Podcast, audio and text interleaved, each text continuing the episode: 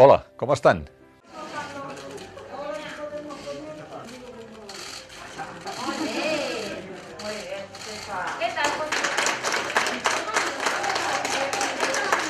Si fa nou mesos ens haguessin ensenyat aquestes imatges no les hauríem entès. Una infermera punxa una senyora gran enmig d'una gran expectació periodística i el vicepresident del govern i la consellera de Salut aplaudeixen.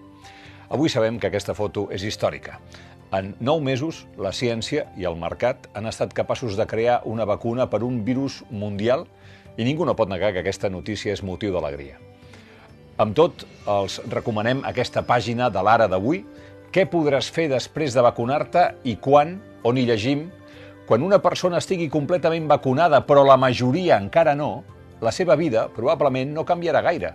Segurament estarà més segura quan vagi a una botiga, però els vacunats hauran de continuar portant mascareta i evitar els grans grups i les acumulacions de gent als interiors sempre que sigui possible, perquè els científics encara no saben si les persones vacunades poden transmetre els virus, tot i que les primeres dades són prometedores.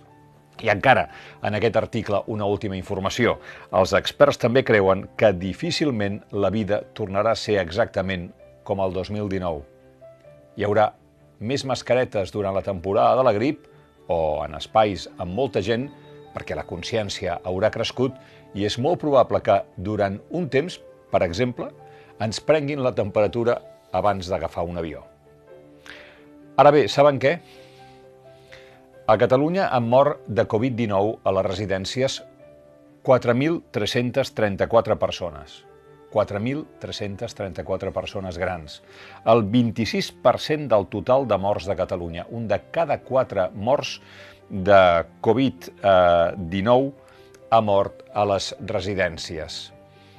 Uh, hi haurà canvis també en això en el futur? Ens hem assegurat que les residències seran llocs segurs pels seus ocupants el dia que es torni a escampar un virus? I quan ens haguem tret de sobre la urgència en la resposta a la pandèmia, la societat trobarà la manera de com hem de viure el tram final de la nostra vida? Per què hem de fer-ho? Cada vegada hi ha més gent gran i cada vegada hi ha gent més gran. És a dir, cada vegada la població és més vella i cada vegada els vells viuen més anys. Vivim molts anys. L'esperança de vida a Catalunya és de 80 anys en homes i 86 en dones però no sempre hi arribem amb un estat de salut que ens permeti valdre'ns per nosaltres mateixos. Hi ha gent gran amb tantes patologies que necessita una atenció especialitzada i continuada, i això només li poden donar en una residència. Per tot això, i perquè la dona, cuidadora de tota la vida de la gent gran i la mainada, s'ha incorporat al mercat de treball, les residències van acabar entrant al nostre estil de vida com una realitat normal ja fa ben bé més de 30 anys. Jo encara recordo debats a la televisió sobre si era correcte, si era ètic, portar la gent gran a una residència i si no les anàvem a convertir en aparcaments de persones que ja no podien ser productives. La pandèmia ha revelat amb cruesa un secret a veus, l'estat real d'algunes residències.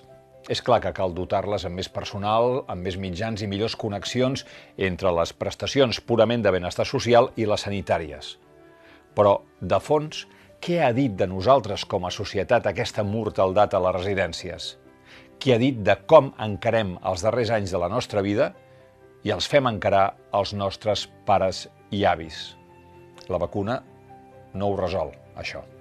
El nostre reconeixement pels que treballen a primera línia, un record pels que pateixen, pels presos polítics, pels exiliats i que tinguem un bon dia.